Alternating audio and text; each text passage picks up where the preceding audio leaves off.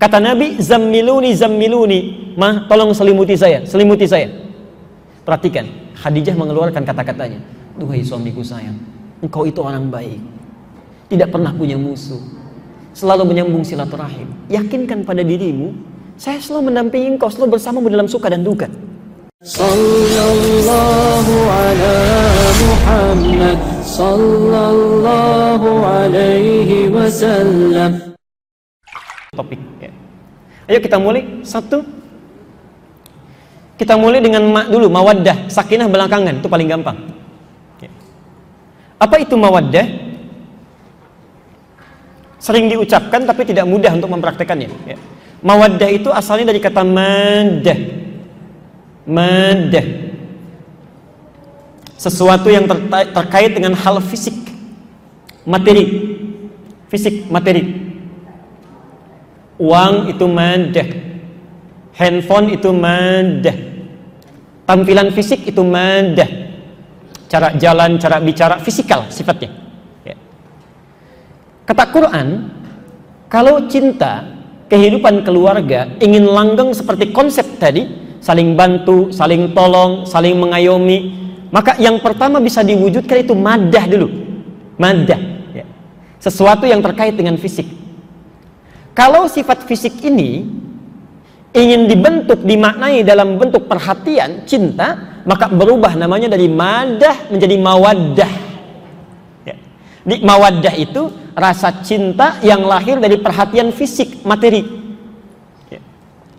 Ini kan nggak bisa dipungkiri ya, bapak dengan ibu tertarik menikah kan asalnya dari fisiknya dulu kan, fisiknya. Ya. Bapak lihat ibu cantiknya, kan? Jalannya, anggunnya, akhlaknya, fisikal. Ibu lihat bapak juga begitu. Gantengnya, komisnya, tegapnya, dompetnya, oh semua. Ada fisik. Fisik. Ya betul, fisikal. Ya. Makanya kata Nabi, ciri orang ketika akan menikah itu mencari empat hal dulu. Empat hal. Ya. Tunkahul mar'atu li arba'in. Perempuan dinikahi karena empat hal. Kenapa disebut perempuan tidak sebaliknya ke laki-laki menikah dengan empat hal tidak. Ini sama saja sebetulnya ya. Ibu cari bapak itu dengan empat hal, bapak cari ibu pun empat hal. Ya. Cuma kenapa disebutkan ke perempuan? Karena sifat perempuan menunggu, menunggu bukan mencari. Ya. Sifat umumnya, umumnya. Ya. Satu, maaf, liha, karena cantiknya, gantengnya, parasnya. Ya. Tapi mohon maaf ya, mohon maaf, ini kadang-kadang sering keliru. Ada jamil, ada jamal itu lain.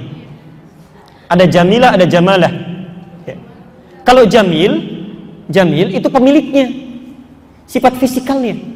Ya. Tapi kalau jamal, jamal itu nilai keindahannya, kecantikan. Kalau dikatakan inner beauty lah, ya. dari akhlak, dari tampilan. Ya. Konon kalau paras katanya, maaf, kalau cantik itu relatif, kalau jelek itu mutlak, ya. Sama dengan ganteng begitu. Ya. Tapi ada sesuatu yang kadang saat orang tertarik itu bukan pada tampilan paras sih bukan. Ya. Kadang-kadang orang cantiknya nilainya 10, ya. Tapi cerewetnya misalnya 11, kan gak enak juga itu. Ya. Saya beri contoh begini. Ibu Sayyidah Khadijah, Khadijah dengan Zainab cantik mana? Udah pernah lihat? Why? Coba lihat Zainab dengan Khadijah cantik mana, Pak? Perhatikan ya. Zainab itu dalam riwayat disebutkan kalau dilihat, dilihat itu mata sulit berkedip, wajah sukar berpaling. Saking cantiknya, Pak. Makanya Nabi ketika menikah dengan Zainab itu dituduh oleh orang-orang kafir Quraisy itu Muhammad hanya akan menikah dengan Zainab karena syahwat saja.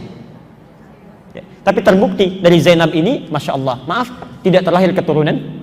Dan yang paling hebat, Ternyata yang disebut dalam mimpi Nabi, yang disebut dalam keseharian Nabi, itu bukan Zainab, bukan pula Aisyah.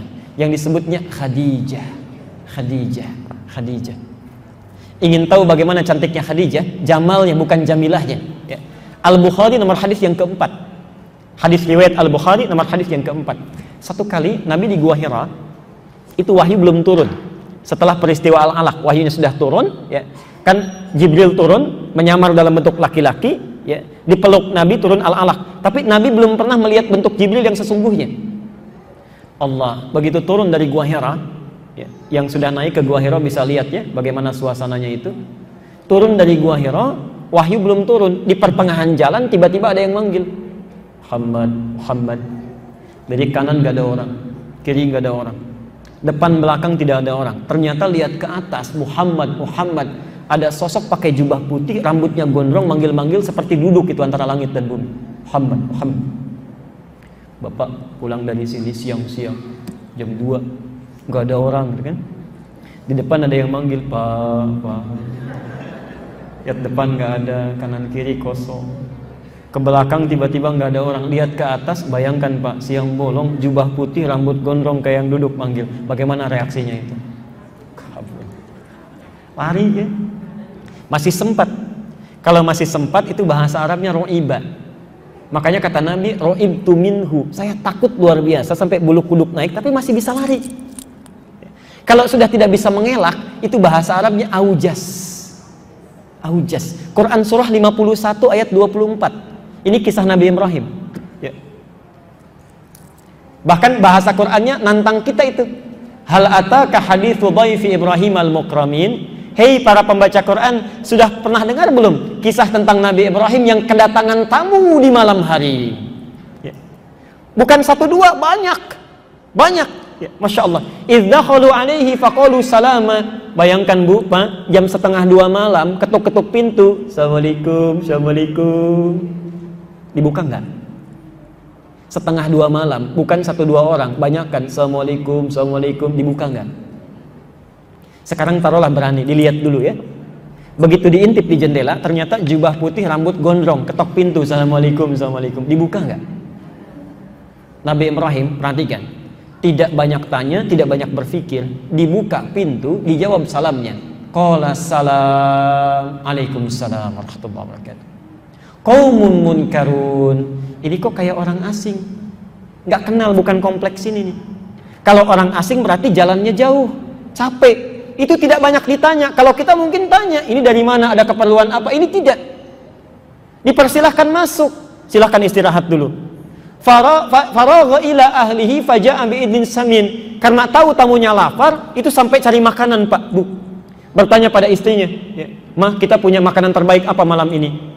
Karena nggak ada makanan, itu masih sempat-sempatnya nyembelih anak sapi lembu dimasak jadi gulai untuk tamunya. Masalah mulai muncul. Ketika sudah selesai, ya, fakarabahu ilaihim, gulai sudah masak dibawa, dihadapkan kepada tamunya. Duduk Ibrahim. Maaf, saat sedang duduk seperti ini, dilihat tamunya, kok makanan nggak disentuh? Ala tak kulun, kok nggak dimakan-makan katanya diperhatikan dari atas sampai bawah ternyata kakinya nggak napak ke lantai tengah malam jubah putih rambut gondrong nggak nyentuh makanan kaki nggak napak dengan lantai. Kalau bapak ibu dalam hal seperti itu apa reaksinya? Yang itu nggak bisa lari itu nggak bisa mengelak. Sudah. Ya. makanya bahasa Qurannya bukan roiba. Fa'aujasa minhum khifah aujas. Maka takut luar biasa. Qalu la takhaf wa basyaruhu bi ghulamin alim. Kata malaikat yang sedang menyamar itu, kamu jangan takut. Ya, jangan takut. Nah, kalau kita dekat dengan Allah, Ibu ya, Pak, dekat dengan Allah, rajin ibadah, itu akan diturunkan malaikat menjaga kita supaya nggak banyak khawatir. Tsumastaqamu tatanazzalu alaihimul malaika alla takhafu. Orang yang istiqomah dalam ibadah itu dijaga malaikat, nggak khawatir dia. Saya kembalikan kepada Khadijah. Nabi lari Sampai di rumah ketuk pintu dibuka oleh Khadijah. Yang ini yang saya sebutkan jamalah bu. Begitu dibuka oleh Khadijah, Khadijah belum bicara. Melihat parasnya Khadijah saja itu setengah kegelisahannya hilang. Saking cantiknya. Setengah kegelisahannya hilang. Lalu ditarik oleh Khadijah, dibawa ke kamar. Kata Nabi, zammiluni zammiluni. Mah, tolong selimuti saya, selimuti saya. Perhatikan, Khadijah mengeluarkan kata-katanya Duhai suamiku sayang, engkau itu orang baik. Tidak pernah punya musuh. Selalu menyambung silaturahim. Yakinkan pada dirimu, saya selalu mendampingi engkau, selalu bersamamu dalam suka dan duka. Allah. Itu mendengar kata-kata Khadijah, hilang semua kegelisahannya. Turun wahyu. Surah Al-Mudathir. Ya ayyuhal mudathir kum fa'anzir. Turun wahyu. Poin saya, perhatikan.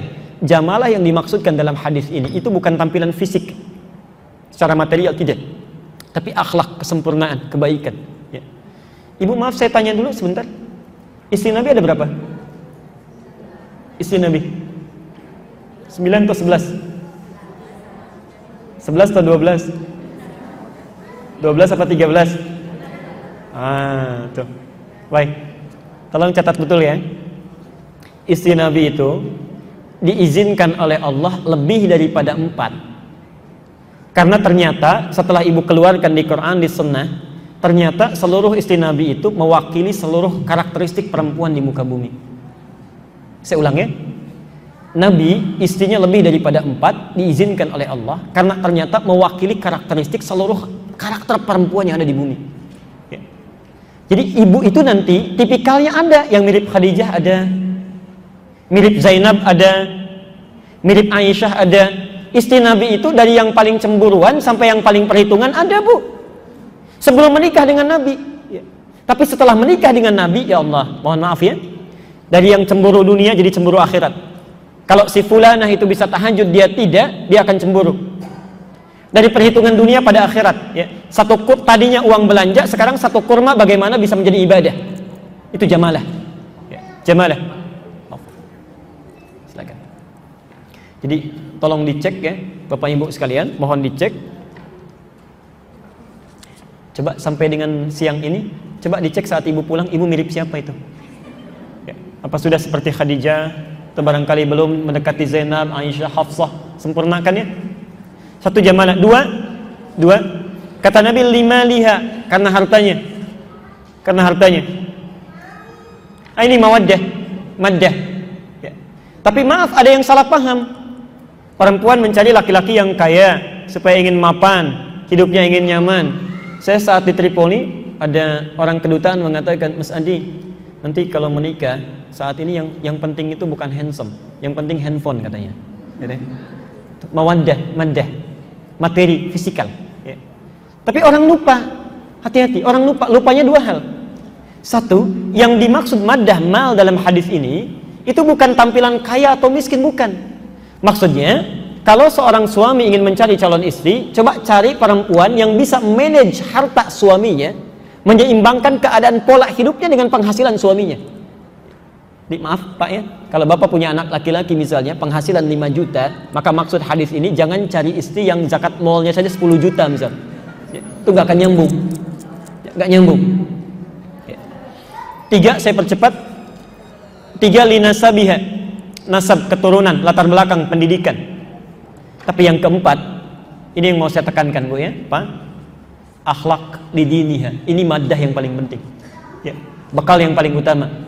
Lidiniha kata Nabi, lihat perilaku keagamaannya. Sopannya, tuturnya, salatnya. Di mawaddah yang dimaksudkan dalam ayat Quran ini, ya, mawaddah wa ja'ala bainahum mawaddah wa rahmah. Mawaddah yang dimaksudkan perhatian fisik, fisikal ibadahnya, sholatnya, ya, bagusnya, akhlaknya, tuturnya itu yang paling utama. Yang paling utama. Ya. Uh, Bapak untuk laki-laki dulu ya karena ada bapak-bapak ini. An-Nisa 34. An-Nisa 34.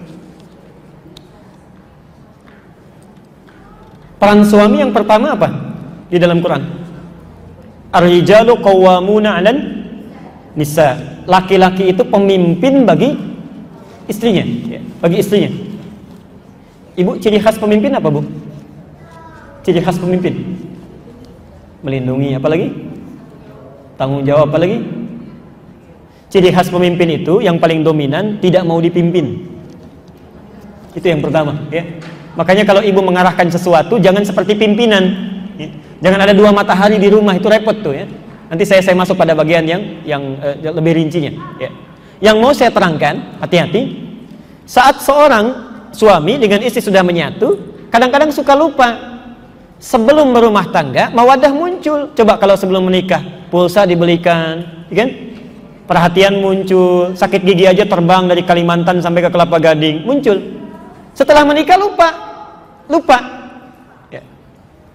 Padahal itu bisa dimunculkan, bisa dimunculkan misal, ya saat sedang gelisah, kenapa sih bapak kalau pulang nggak beli kue yang disukai oleh istrinya? Ya. Ibu saat bapak capek nggak masakan mak makanan kesukaannya, itu mawadah namanya.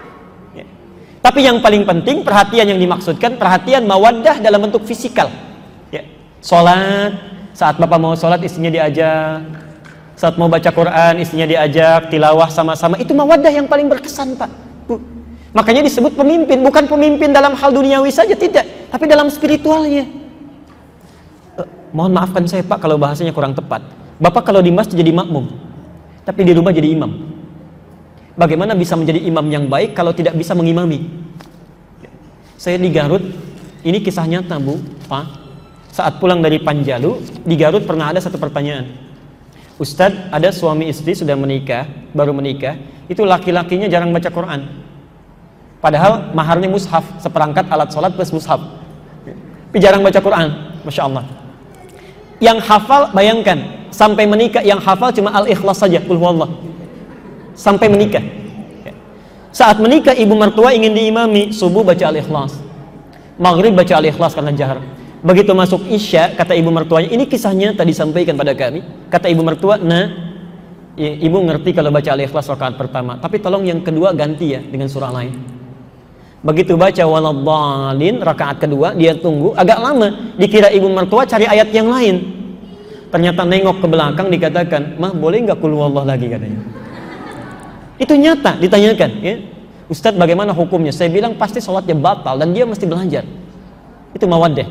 Ya. Terakhir dan saya tutup dulu di sini kita bacakan pertanyaan. Ya. Rahman. Rahman. Cinta pertama lahir dari mawadah, perhatian fisik. Ya. Tapi mohon maaf, yang tadinya tinggi, tegak, tiba-tiba bisa mulai membungkuk yang tadinya kulitnya kencang, halus, tiba-tiba mulai keriput. Ya. Bahkan mohon maaf, awal-awal ibu, suami mau bekerja kan suka dimasakin ya. 8 jam cari resep, cari menu dimasak-masak sudah jadi. Kemudian tiba-tiba, mohon maaf, disampaikan pada suami jadi bekal. Di jalan, bapak menemukan orang yang belum makan selama tiga hari. Pak, mohon bantu. Bapak kasih nggak makanannya? Istri sudah masak 8 jam tuh sambil cari resep sudah jadi dikasih pada bapak. Di jalan ada orang tiga hari belum makan, minta. Bapak kasih nggak makanan ini? Kasih. Jadi mawadah itu masih bisa dibagi. Masih bisa terbagi. Ya. Bahkan kalau orang cinta pada yang fisik saja, ketika yang fisiknya sudah tidak ada, bisa pindah itu bu. Bisa pindah. Ya. Seseorang yang modal cintanya cuma mawadah saja, bapak nikah dengan ibu karena cantiknya, cantik fisik. Begitu fisik sudah berkurang, itu bisa pindah. Ibu cinta pada bapak karena materi saja, dompetnya, kedudukannya. Begitu sudah turun itu bisa berpindah. Ini persoalan. Karena itu yang kedua, ini yang kita akhiri bagian pertamanya, turunlah konsep rahmah. Rahmat. Tidak cukup cinta keluarga di rumah tangga dengan mawaddah saja, harus ada rahmat. Apa itu rahmat? Saya percepat. Rahmat itu perhatian yang dalam, perhatian yang dalam sudah? Maaf. Perhatian yang dalam, yang lahir dari ketulusan hati. Yang lahir dari ketulusan hati, itu rahmat namanya. Tempatnya, keadaannya disebut dengan rahim. Rahim. Ibu punya rahim, bapak tidak. Kenapa tempat itu disebut dengan rahim? Mohon maaf kalau ungkapannya kurang tepat atau kurang berkenan. Karena di tempat itu ada sosok yang saking disayangnya setulus hati, Ibu rela menderita, yang penting dia tenang. Mending kanan susah, kiri sulit, sakit, perlu dipijit-pijit, yang penting dia tenang. Ya. Makanya kata para sebagian ulama, kenapa bayi itu ketika lahir dia menangis, hikmahnya karena takut tidak merasakan lagi ketentraman saat berada dalam rahim. Saking disayangnya itu. Insya. Nah kalau rumah tangga itu ingin awet, ingin bagus, maka dahulukan oleh suami terlebih dari istri itu rahmat. Dorong dengan rahmat. Bapak mengajak ibu untuk tahajud, jangan cuma karena tanggung jawab saya dengan rahmat, dengan sayang, tulus. Ibu mengajarkan pada ayah misalnya, dorong supaya mau berjamaah ke masjid dengan rahmat. Ya, itu akan luar biasa, Masya Allah. Luar biasa. Susah untuk dibagi, Bu, Pak. Ya. Bagaimana caranya? Ini yang mau saya tutup. Quran surah ke-91 ayat 7 sampai 10. Dan di sini sering kali bencana di rumah tangga muncul karena tidak bisa rahmat dipraktekkan jangankan 30 tahun ada yang baru tiga bulan sudah berpisah karena hilang ini nih ya. bahkan disebut oleh Quran kalau konsep ini dipraktekkan, itu kehidupan tenang itu luar biasa. Gak banyak masalah. Yuk kita mulai. Wa nafsi wa ma sawaha fa'alhamaha fujuraha wa taqwaha. Pelan-pelan. Saya mau tulis ya, di sini nggak ada. Di sini nggak ada, saya alihkan ke sini.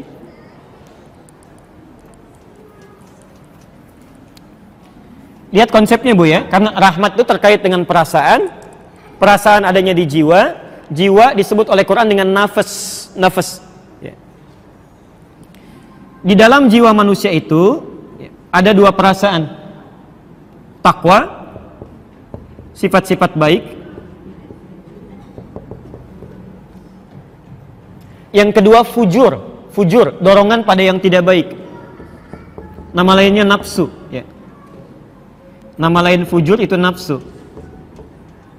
Takwa terulang sebanyak 115 kali dalam Al-Quran.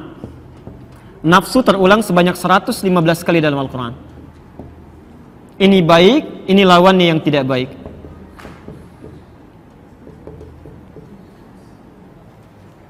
Sekarang fokus dengan saya. Saat Allah mengatakan di jiwa kita ada potensi baik disebut dengan takwa, ya, itu wujudnya bisa macam-macam. Misal, sabar itu takwa. Di saat ada orang mencela ibu, ibu bisa sabar, peluangnya ada karena di dalam diri kita ada takwa. Ya. Jujur itu takwa.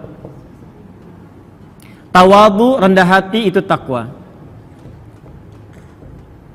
Tapi saat yang bersamaan, mohon maaf, ketika sabar itu muncul, itu dibuat oleh Allah lawannya di sifat fujur. Lawan dari sabar apa?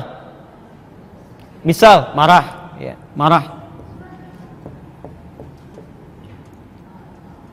Jadi dalam diri kita itu ada peluang bisa sabar, tapi ada potensi juga untuk marah.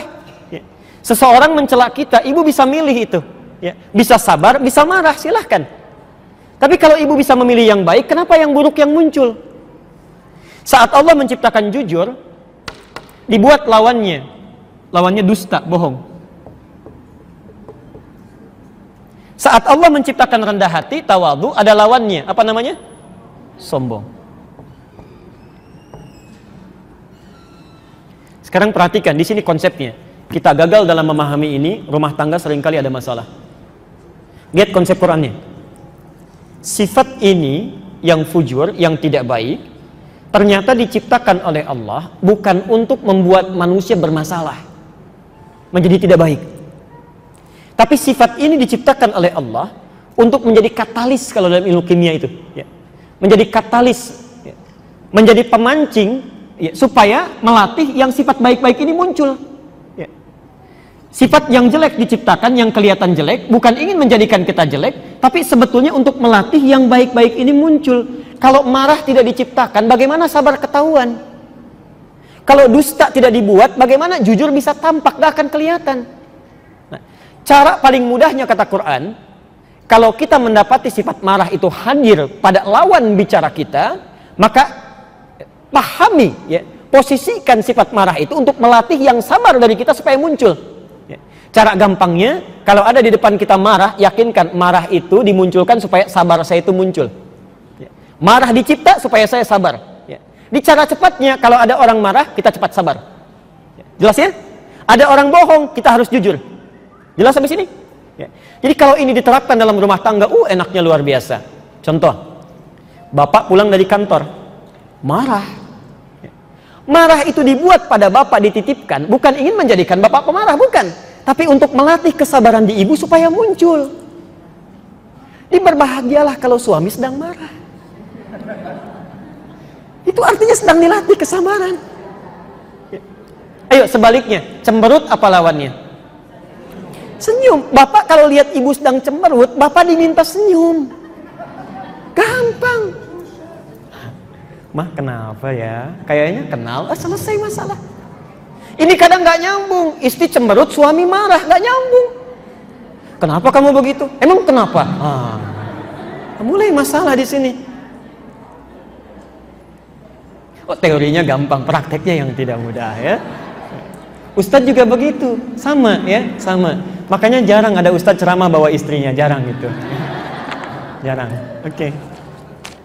Saya mau berkisah, saya nanti bacakan pertanyaannya setelah ini. Ini pernah dipraktekkan oleh satu keluarga. Ini masya saya sering kisahkan ini dalam setiap sesi fikih rumah tangga. Kami punya kerabat di Karawang. Itu masya Allah, soleh, istrinya soleha, punya anak tiga. Menerapkan konsep ini sampai sekarang masih nyaman. Pulang dari kantor, saya persingkat, itu suasana capek, lelah, lapar. Istri biasa begitu pulang nyambut depan rumah, cium tangannya, sudah assalamualaikum. Kadar Allah masakan belum siap. Kata suaminya, mah tolong buatkan pengganjal apa saja. Istri ke dapur dibikinkan mie bu. Karena saking sibuknya lupa, garam buat sayur masuk ke mie satu sendok diputar. Itu nyata masukkan. Apa rasanya kira-kira? Oke. Okay. Yang menarik, kalau sudah jadi mie-nya, dibawa, disampaikan pada suami. Pak, ini buat tahan lapar dulu katanya ganjal. Suami sudah mulai coba, ya. Satu sendokan yang pertama, saya tanya dulu, kalau bapak dalam posisi suaminya gimana pak responnya? Bayangannya capek, lapar, lelah, dapat mie asin itu gimana tuh? Mama, wah itu, udah luar biasa ya. Perhatikan, tadi asin mie-nya kan Asin lawannya apa? Manis. Maka keluarlah ucapan yang sangat manis. Ma, sini sayang. Anak tiga masih panggil sayang. Datang. Saat datang, apa kata suaminya? Lama rasanya nggak makan berdua ya. Sini duduk samping papa. Ibu kalau dibegitukan tuh sama suami gimana rasanya? Belum selesai, belum selesai. Ini nyata. Ya, belum selesai. Kata suaminya, sini papa suapin. Tiga. Masya Allah.